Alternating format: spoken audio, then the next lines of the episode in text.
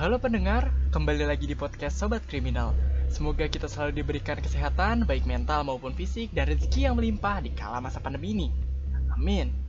Tak lupa juga dengan moto kita, Learn about crime, not be criminal. Belajar kejahatan, bukan jadi penjahat. Semakin memanasnya isu-isu kejahatan seksual, membuat kita semakin merasa tidak nyaman untuk beraktivitas di luar maupun dalam ruangan. Kejahatan seksual dapat terjadi di mana pun, dalam keadaan apa pun, dan pada situasi apa pun. Pada topik podcast kali ini, saya Han secara khusus akan membagikan tips dan himbauan tentang dasar-dasar memahami kejahatan seksual di sekitar kita, serta bagaimana cara pencegahan dan penanggulangannya. So, tunggu apa lagi? Kita masuk ke pembahasan.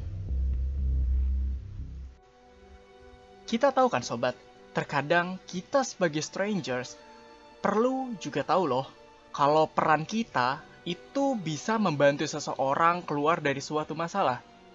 Saat kita ngomongin stalker, pelaku pelecehan, hingga perkosaan dan potensi-potensi yang menuju ke kejahatan seksual, kita perlu tahu apa saja peran kita sebagai strangers yang dapat membantu seseorang terhindar menjadi korban. Dalam kasus ini berarti korban kejahatan seksual ya.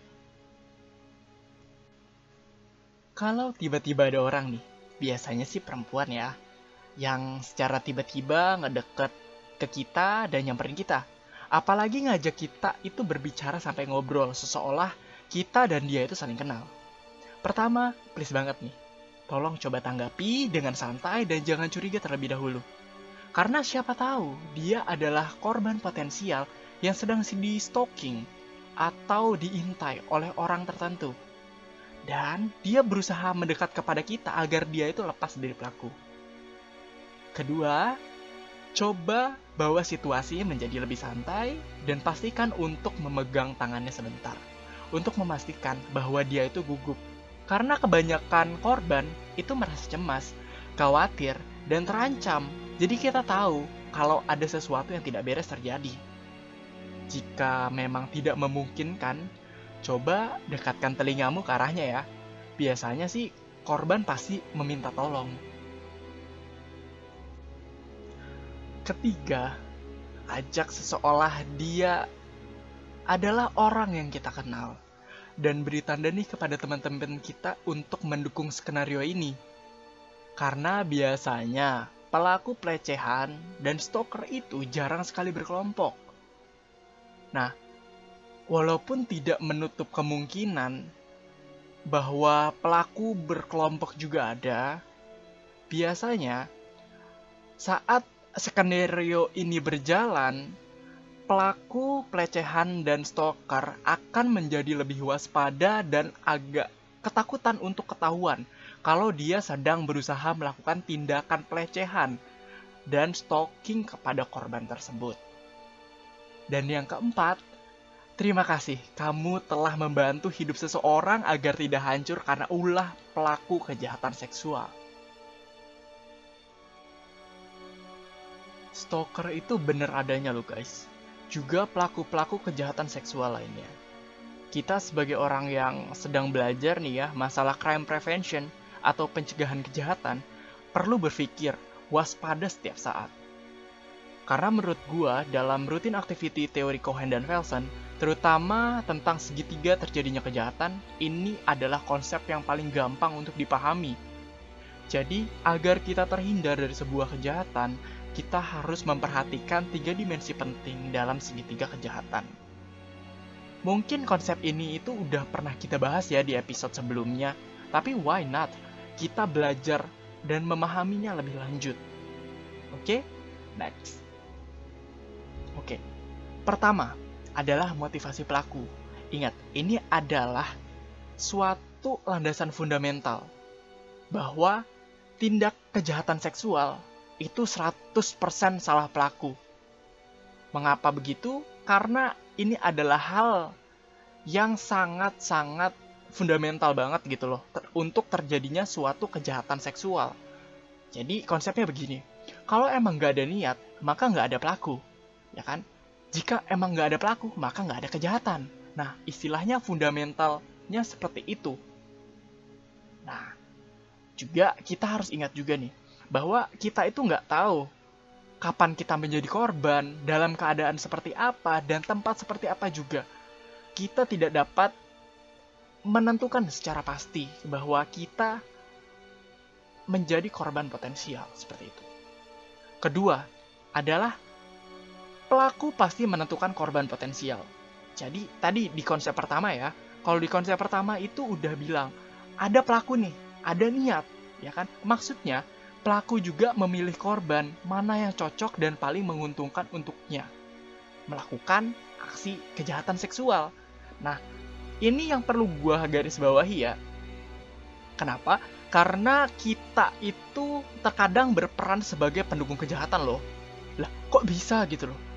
Ya bisa, karena gimana kita itu nggak jadi korban kalau kita secara jelas, terutama ya, dalam diri kita atau hal yang kita kenakan itu menarik perhatian dan membuat kita itu menjadi korban disclaimer nih ya, gue nggak secara spesifik menyebut lo ya, but sorry, it's still part of supporting factors gitu loh. Ya, ini fakta gitu. Oke, kita lanjut. Dan yang paling penting adalah ketiga, yaitu kurangnya pengawasan dari guardian. Maksudnya adalah pihak atau sesuatu yang dapat mengurangi potensi pelaku melakukan aksinya. Nah, biasanya itu guardian ini itu berperan sebagai penjaga atau bisa dibilang sesuatu hal yang memata-matai. Nah, berpotensi untuk mengurangi atau menakut-nakuti pelaku agar tidak melakukan aksinya. Biasanya seperti keramaian, lampu, CCTV, polisi, kegiatan ronda, dan hal-hal yang bersifat melihat dan biasanya pelaku kejahatan seksual itu selalu memanfaatkan keadaan dan keteledoran korban untuk melakukan aksinya. Tidak berlaku juga loh ya. Ini tuh konsep ini nggak berlaku cuma buat perempuan doang.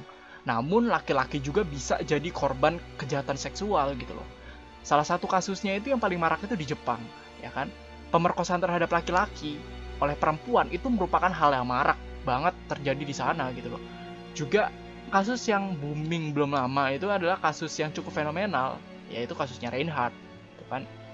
Kan nggak menutup kemungkinan bahwa laki-laki juga bisa menjadi korban kejahatan seksual kan? Walaupun yang kita sering jumpai adalah kasus kejahatan seksual yang menyerang perempuan, kita juga perlu tahu bahwa kita juga bisa menjadi korban potensial atau bisa dibilang orang yang cocok menjadi korban dan supporting lah membantu terjadinya suatu aksi kejahatan seperti kita sendirian di jalan yang sepi terus habis itu jalan remang-remang faktor pakaian walaupun itu sebagian kecil ya kan suatu hal yang melekat secara lahiriah dan itu menarik seperti payudara, wajah dan bagian tubuh lainnya dan masih banyak faktor banget yang memicu seseorang atau kelompok melakukan tindakan kejahatan seksual. Oke, dari tadi kita ngomongin konsep aja nih, ya kan? Oke, jadi kira-kira bagaimana kita khususnya orang yang terancam menjadi korban dapat menghindari hal tersebut? Gimana sih cara crime preventionnya nih? Ya kan? Oke, kalau kita lihat dari segitiga kejahatan tadi, berarti ada tiga masalah dong. Ya kan? Pertama adalah masalah pelakunya, masalah korban, dan masalah keamanan lingkungannya. Yuk, kita bahas satu persatu nih. Ya kan? Oke, pertama, masalah motivasi pelaku. Bagaimana kita menghindari hal tersebut? Kita harus waspada.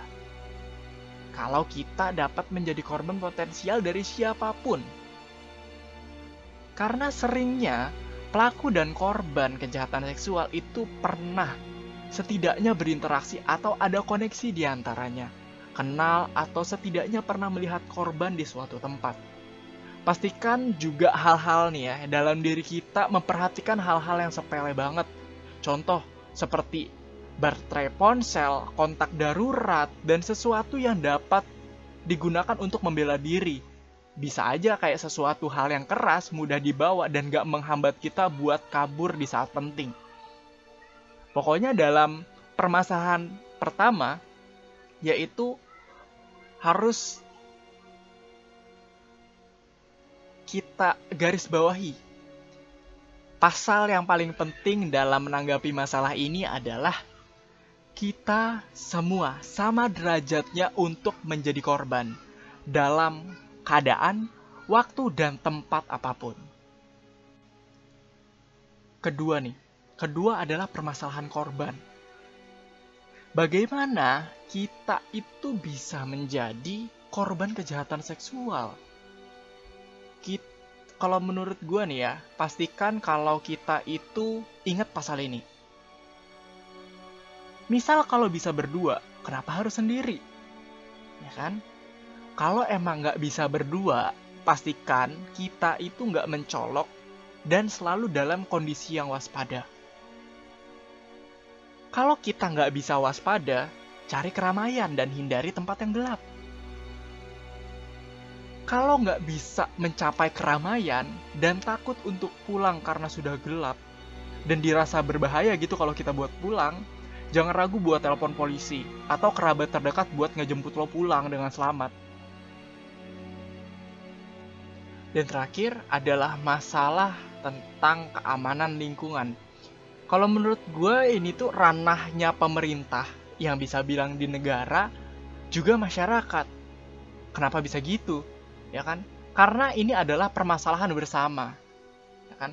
Kejahatan seksual itu sifatnya sangat aib loh bagi korban. Korban kejahatan seksual juga kebanyakan nggak ngelapor gara-gara emang stereotype yang ada di masyarakat itu nggak bagus bahwa kalau korban kejahatan, iya itu salah dirinya sendiri gitu loh.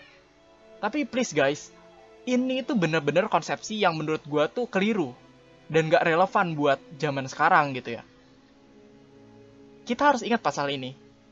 Kalau emang terjadi tindakan kejahatan seksual, ya itu adalah 100% salah pelaku gitu loh. Titik. Kenapa begitu? Ya karena nggak ada orang yang mau dilecehkan, diperkosa gitu loh. Dan menjadi korban kejahatan seksual. Kita sebagai masyarakat dan pemerintah perlu menanamkan kembali gitu loh nilai edukasi tentang seksualitas dan kejahatan seksual kepada masyarakat. Agar orang-orang itu semakin mantap untuk memerangi pelaku-pelaku kejahatan seksual. Nanti pada akhirnya stereotip tadi tentang korban kejahatan seksual juga mulai akan direvisi oleh masyarakat kembali gitu. Juga perlu adanya atau pengesahan ya, pengesahan RUU penghapusan kekerasan seksual atau RUU PKS agar uh, kita itu bisa menilai bahwa negara itu konsen untuk memerangi kejahatan seksual di lingkungan kita dan memutus rantai kejahatan seksual dan timbulnya korban-korban lain. Dalam poin ini, kita harus menegakkan pasal ini. Pertama, adanya partisipasi masyarakat dan aparatur hukum sebagai bentuk memerangi kejahatan seksual. Kita mengenali patroli, ronda, dan kegiatan-kegiatan yang membantu pelaku kejahatan seksual itu tidak berani untuk beraksi. Dua, buatlah lingkungan seideal mungkin. Kenapa begitu? Lingkungan yang ideal adalah lingkungan yang anti kejahatan seksual.